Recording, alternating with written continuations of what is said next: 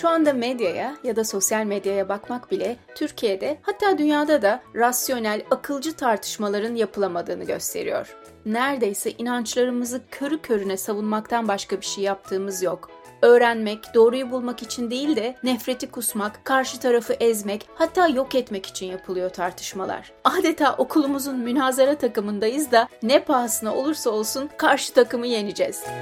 Merhaba, ben Aygen Aytaç. Bugünkü podcast'te inandıklarımızı savunmakla doğruyu bulmak arasındaki yani siyahla beyaz arasındaki bazı gri tonları keşfetmeye çalışacağız.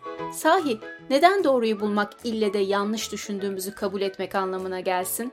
Neden entelektüel çatışmanın yerini gerçek bir tartışma almasın? Neden inançlarımızı kanımızın son damlasına kadar savunmamız gereken bir hazine gibi görmek yerine doğruluğu test edilebilir hipotezler olarak görmeyelim? Bu bölümde yine son iki bölümdür kendilerinden çok şey öğrendiğimiz Öğrenme Tasarımları adlı sosyal girişimin kurucuları, oyunla öğretme ustası Tuğba Çanşalı ve Miraç Öztürk'le birlikteyiz. Uzmanlarımızla bugün nefes kesici bilimsel gelişmelerin yanında yalan haberlerin, komple teorilerinin inanılmaz bir hızla yayıldığı, herkesin kıyasıya bir şeyleri savunduğu bir ortamda insanlara eleştirel düşünme, rasyonel tartışma becerisini kazandırabilmek için ne tür oyunlar geliştirdiklerini konuşacağız. Hiç kuşkusuz bu becerilerin çocuk yaşlarda kazandırılması gerekiyor ki Miraç ve Tuğba podcast'in sonunda öğretmenlerin çocuklara bu konuda ne tür oyunlar oynatabileceğini de bize anlatacak. Ama önce Miraç, eleştirel düşünme yeteneğini kazandırabilmek için büyüklere ne tür oyunlar oynatıyorsunuz? Başlangıçta hafif konularla başlıyoruz ki hem metoda kişiler ısınsın, nasıl bir süreç olduğunu anlasın diye. Daha sonra da hangi konuda tartışmalarını istiyorsak oraya doğru yavaş yavaş gidiyoruz. Metot şu şekilde bir konu veriyoruz ve iki gruba ayrılmalarını istiyoruz. Hani eşit sayıda olmaları. Örneğin çay mı kahve mi diyoruz. Hangisi daha iyidir? Kişiler taraflarını seçiyorlar. Desteklediği tarafa geçiyorlar. Daha sonra isteyen iki kişiyi ortaya masaya alıyoruz ve karşılıklı tartışmalarını istiyoruz. Diyoruz ki savunun. Neden sizce daha iyi? Kişiler söz alıyorlar. Bu metodun ana noktalarından biri şu. Kendi gruplarından isteyen kişiler istedikleri zaman masada kendiyle aynı fikri savunan kişiyi kaldırıp kendi onun yerine geçebilir. E, savunmaya devam ediyorlar. Daha sonra bir ortalama 4-5 dakika sonra kolaylaştırıcı durduruyor ve şey soruyor. Fikrini değiştiren var mı? Burada aslında şunu yapmak istiyoruz fikir değiştirmek, dönüştürmek, kendimizi geliştirmek kötü bir şey değil. Başkalarını da dinleyeceğiz, farklı bakış açıları da göreceğiz ve gerekliyse fikrimizi değiştireceğiz. Gerekli değilse biz hala bunu savunuyorsak savunmaya da devam edeceğiz. Ama saygı çerçevesinde. Bu oyun e, başlangıçta çok çarpıcı oluyor tabii ki. Kişiler asla fikrini değiştirmemek istiyorlar. Ama daha sonra kolaylaştırıcının açıklamasıyla ve bunun normal olduğunu söylemekle Aa, evet aslında ben çay demiştim ama kahve de iyi bir fikirmiş ya. Ben şimdi bir arada kaldım. Birkaç tur sonra bir daha düşünmek istiyorum diye yavaş yavaş fikir değişikliklerinin geldiğini görüyoruz. Bir sonraki tur biraz daha farklı bir konuyla karşılarına çıkıyoruz. Yine bir konuları birkaç tur geç diyelim. Mesela konumuz toplumsal cinsiyet eşitliği ise şu soruyu sorabiliriz. Kadın ve erkek eşit midir? Eşit olmalı mıdır? Mesela. Evet diyenler, hayır diyenler ayrılabilir. Zaten yöntemi öğrettik, ısıttık, denemeyi yaptık. Artık daha güçlü bir konuyla karşılarına çıkabiliriz. Ve burada katılımcılar söz almayı, karşısındaki dinlemeyi, konuşma isteği geldiğinde konuşmayı, başkası konuşurken susmayı, fikri değişebilirse bunun normal olduğunu görebildikleri çok çarpıcı bir deneyim yaşamış oluyorlar. Bir de burada şeyi de göstermek çok önemli. Aslında fikirlerimizi taraftar gibi tut tutmamak lazım. Fikirler değişken bir şey ki değişiyorsa güzel. Demek ki düşünüyorsunuz demektir. Fikrinizi değiştirebiliyorsanız. Karşı tarafı dinliyorsunuz demektir.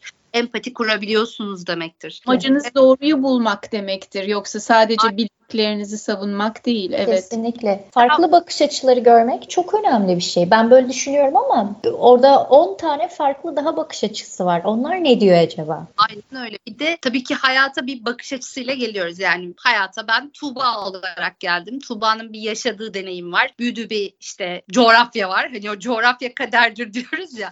yani gerçekten bir coğrafyanın verdiği size bir takım bilgiler, o kültürünüzden gelen bir takım bilgiler ya da işte kabul edilişler, kültürel bir takım yapılar, dokular var.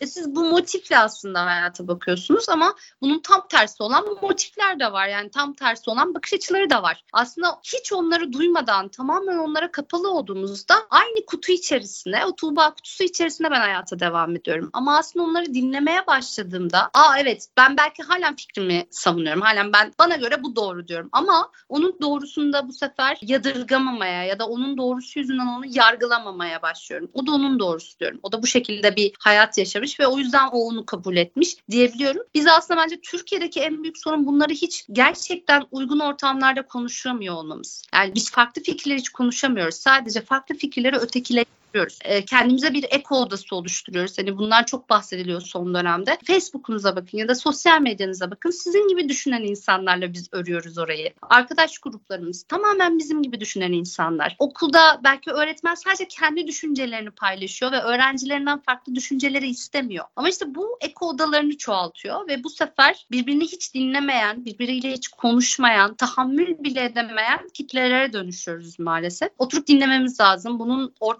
daha çok olması lazım. Yani ne güzel güzel bir podcast yapıyorsunuz mesela farklı şeyleri dinleyebilmek için. Bence bu ortamları bizim eğitim ortamlarında daha çok yaratmamız lazım. E, Tuğba'cığım ben başka bir şey daha ekleyeyim bu söylediğine. Benzer bir eğitime katılmıştım. Benzer bir egzersiz yapılıyordu. Kedi mi köpek mi çay mı kahve mi gibi. Şöyle bir şey önerdim. Çok entelektüel bir gruptu. Dedim ki ya aslında bu ne kadar güzel bir yöntem. Biz burada Kürt meselesini de tartışabiliriz. Laiklik, dincilik meselesini de tartışabiliriz. Ve herkes yani birkaç kişi dışındaki herkes ya ben onu konuşmaya hazır değilim dediler hmm. ve kedi mi köpek mi seversinizi tartıştık.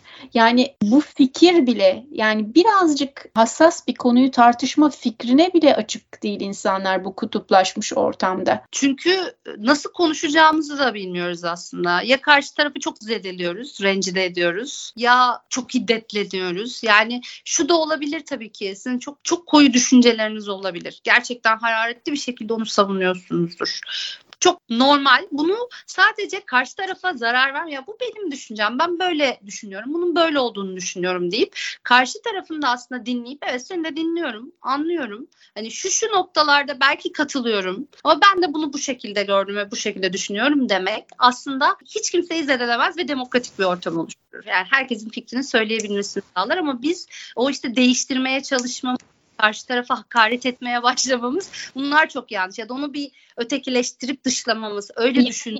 Evet sırf o bile değil. Bugün daha gördüm Twitter'da sokak köpekleriyle ilgili yazılanları. Yani birisi insani bir şey bile yazsa duygu sömürüsü yapma. Ajitasyon evet. yapma. Evet. Fikrimizi yani, söylemekten korkuyoruz aslında. Düşüncemizi, fikrimizi evet. değil mi? Sürekli eleştiri geliyor. Bir de sosyal medya yani çok tehlikeli bir yere doğru gidiyor. Nefret suçları mesela bence artık sosyal medyada daha çok konuşulmalı. Linç kültürü çok ama nefret söylemleri çok yaygınlaşıyor. Yani insanlar fake hesaplar açıp belki kendi hesabından bile ki kendi hesaplarından da yapanlar var. Nefret söylüyor orada ve o nefret maalesef yayılıyor. Ve sen ona ne diyeceksin? Yani şey mi diyeceksin?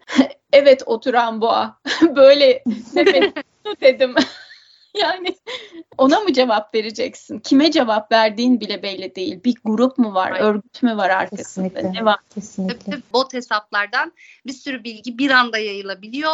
Bu tür nefret söylemleri yaygınlaştırılabiliyor ve e, insanlar bunları okuyup hani bunları gerçek de zannedebiliyor ki gerçekler de var yani gerçekten linç kültürü de çok. Hatta bir tane kız çocuğu vardı ya bu bilimsel deneyler yapıyor biraz kilolu diye altına bir sürü bir şeyler hmm. yapıyor. Evet evet evet eğitti ve sonrasında hem hesabını kapattı hem de ciddi bir depresyona girdi. Yani sonra tamam çok güzel şeyler yazıp onu tekrar oraya döndürmeye çalışanlar da oldu ama. Ama intihar eden gençler de oluyor bu tür şeylerde. Çok korkunç bir şey. Tam Ver... rasyonel tartışmanın bilinmediği, yapılmadığı, evet. tamamen manipülatif, agresif yöntemlerin izlendiği bir yer. Tabii her şeyin başlangıcı olan çocukluğa da birazcık dönebiliriz. Özellikle okul döneminde öğretmenlere daha fazla yük düşüyor burada. Bu özelliğin, bu becerilerin aslında o zamandan kazanılıyor olması lazım. Günümüzdeki insanların şu an bu beceriye sahip olamama nedeni çocukluktan beri bu becerimizin olmaması. Aslında diğer birçok konuşabileceğimiz konularda olduğu gibi. Öğretmenlerin sınıftaki en ufak bir konuyu anlatırken dahi tutumu, davranışları bir düşünceye verdiği tepki aslında kritik düşünme becerilerimizi geliştiriyor. Çocuklar daha küçüklükten itibaren şimdi ben bir şey söylersem öğretmenim kızar mı düşüncesinden çıkmaları gerekiyor. Yanlış bir şey söylese bile doğru geri bildirim alma, doğru bilgiye sevk etme, doğru bir şey söylediğinde pozitif geri bildirim vermek gibi becerilerin çok baştan, küçüklükten zaten yapılıyor ve alıştırılıyor olması lazım. Yani öğret öğrencinin öğretmenden korkmaması, gerçekten düşüncelerini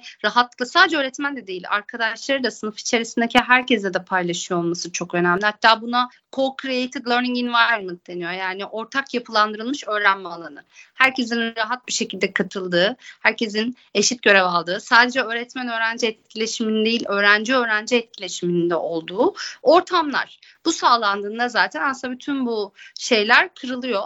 Bir de şeye de değil tam aslında akran zorbalığı çok konuşulan bir konu ve bence daha da çok üzerinde durmamız lazım. Burada aslında hak temelli çalışmalar bence çok önemli okullarda. Biz Akronimo diye bir oyun yaptık IBC ile beraber Mavi Hilal Vakfı ile hatta mülteci çocukların çok olduğu okullarda uygulamalar yaptık ve o dönemde oyunu oynarken yani oyun zaten tamamen aslında akran iletişimine dayalı akranların kendi içlerinde konuşabilmesi bu nefret söylemlerinden arınmasını sağlayan bir oyun. Ve oyunu oynarken şeyle karşılaştık. Mesela sınıf içerisinde ciddi bir aslında akran zorbalığı varmış. Bunu konuşmaya başladı bir anda çocuklar. Ve rehber öğretmen eşliğinde oynatıyorduk oyunları. Bir anda aslında ciddi bir sınıf içerisinde kutuplaşma olduğunu, işte iki taraf olduğunu, Türk öğrencilerle asla oynamadıklarını vesaire. Hani böyle şeyler oyunu oynarken ortaya çıkmaya başladı. Ve rehber öğretmen de aslında bunun farkındaymış ama ne yapacağını bilemiyormuş. Ama bunu konuşmak, bundan sonra aslında biraz yapılandırmak çok önemli. Görmezden geldiğimizde burada başlıyor, büyüyor ve topluma yansıyor.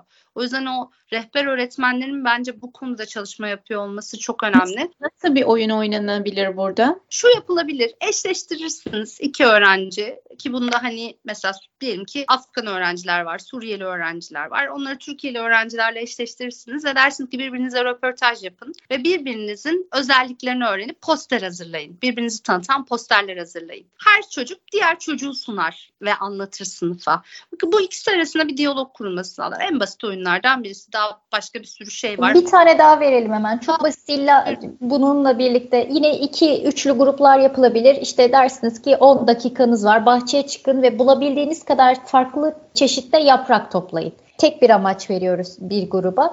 Bu amaç uğruna birleşecekler ve birlikte çalışıp geri gelecekler gibi aslında bir arada olabilecekleri, konuşacakları, paylaşım yapabilecekleri bir zemin hazırlamak. Biri belki yaprakları iyi tanıyordur, diğeri ne bileyim iş bölümü yapar, diğeri süreyi tutar. Çok basit etkinliklerle yakınlaştırılabilir. Hatta farklılıkları bile konuşabilirler. Aynen yani öyle. Her bir yaprak aslında hepsi ağaçta, hepsi yaprak ve hepsi farklı. Farklı kültürlerden kişiler bir arada olduğunda aslında birbirimize ne kadar benzediğimizi ve kaynaştırmayı artırıcı bir oyun daha var. Ee, şöyle oluyor kolaylaştırıcı, eğitmen, öğretmen her kimse uygulama yapacağı yere giderken bir poşet mandalina ile gidiyor. Ve her çocuğa diyor ki birer tane alın ya da kişiye kim yapacaksa. Daha sonra e, diyor ki mandalinanıza istediğiniz bir şeyi bir işaret koyun çizebilirler, yazabilirler, kalemleriyle yazmalarını istiyor.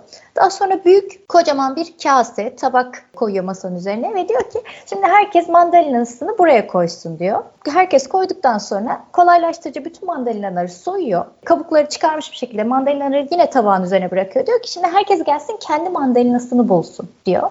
Ve aslında bu mümkün olmayan bir şey. Daha sonra herkes bir tane mandalina alıp yerine oturduğunda çocuklar o mandalinayı yerken de şunu konuşuyorlar. Ne oldu da bulamadık? Neden bulamadık? Çocukların fikirlerini arıyoruz. İşaret koymuştuk. Sonra ne oldu işarete? Neden kabuklarını soyduğumuzda o işareti göremedik? Gibi aslında kültürden bahsederek yavaş yavaş kaynaştırma çalışması yapmalarını istiyoruz. Dışarıdan bakıldığında farklı olabiliriz. Tenimiz farklı olabilir, kıyafetimiz farklı olabilir, dilimiz farklı olabilir. Ama içimiz o kadar farklı mı? Birbirimize benziyor olabilir miyiz? Hangi özelliklerimiz benziyor? Aynı yaştayız, aynı okula gidiyoruz, aynı sıralarda oturuyoruz, öğretmenimiz aynı. En çok sevdiğimiz oyunlar ne? Benzer oyunları seviyoruz gibi farklılıklarımızdan çok benzer yönlerimiz, aynı olan noktalarımız, ortak noktalar üzerine konuşma üzerine bir çalışma yapılabilir. Çok da faydalı oluyor bu çalışma. Bu güzel yöntemlerinizi ve fikirlerinizi bizimle paylaştığınız için çok teşekkürler Miraç Öztürk ve Tuğba Çanşalı. Tabii ki özellikle Batı'da yüzyıllardır çocuklara mantıklı, kanıta dayalı düşünmeyi öğretmek için birçok yöntem deneniyor. Hatta 2000 yıl önce Sokrates bile doğrudan bilgiyi vermek yerine öğrencilerinin sorular sorarak kanıtlarla bilgiye ulaşmasını sağlıyordu. Sonraları 19. yüzyılda Latince öğrenmenin mantıklı düşünmeye yardım ettiğine inanıldı. Çocukların Latince öğrenmesi teşvik edildi. 20. yüzyıl başlarında Latince öğrenenlerin öğrenmeyenlerden daha mantıklı olduğunu gösteren bir şey olmadığı görülünce satranç önerildi. Okullarda bilmecelere, bulmacalara ağırlık verildi ve nihayet Mozart dinlemenin bu konuda işe yarayabileceği tezleri ortaya atıldı. Oysa kanıt sunmak ve diğerlerinden kanıt istemek becerisi eleştirel düşünmenin unsurlarından sadece biri. Çünkü çocukların bu yöntemleri öğrenmesi doğru soruları sorabildikleri anlamına gelmiyor. Sınıfta motivasyonumuz belli ama farklı ortamlarda bu soyut kavramların işe yarayıp yaramadığını bilmiyoruz. Gerçek hayatta ön yargılarımız dışında bir örnekle karşılaştığımızda kolaylıkla canım istisnalar kaideyi bozmaz diye veriyoruz. Sonra bizim için denilen şeyin doğruluğundan çok kimin dediği de önemli. Sevmediğimiz taraftan biri doğru bir şey de söylese onu kolayca göz ardı edebiliyoruz. Örneğin sosyal medyada bu doğru bilgiyi yaymazken sırf görüşlerimizi doğruluyor diye bir videoyu doğruluğunu kontrol etmeden yayabiliyoruz. Ya da bir konuda çok emek sarf etmişsek o konuda karar verirken akılcı düşünemeyebiliyoruz. Emeğimizin bizi bir yere götürmeyeceğini anlasak bile hatadan dönmeyebiliyoruz. Tüm bunlar eğitimcilerin işinin hiç de kolay olmadığını, sadece eleştirel düşünmeyi sağlamak için bile bir strateji değil bir strateji buketi oluşturması gerektiğini gösteriyor. Oyun öğrenme stratejilerini 3 haftadır bizlerle paylaşan öğrenme tasarımlarına tekrar tekrar teşekkür ederken bu konuları ileride daha çok konuşacağız diyerek huzurlarınızdan ayrılıyorum. Şimdilik hoşçakalın.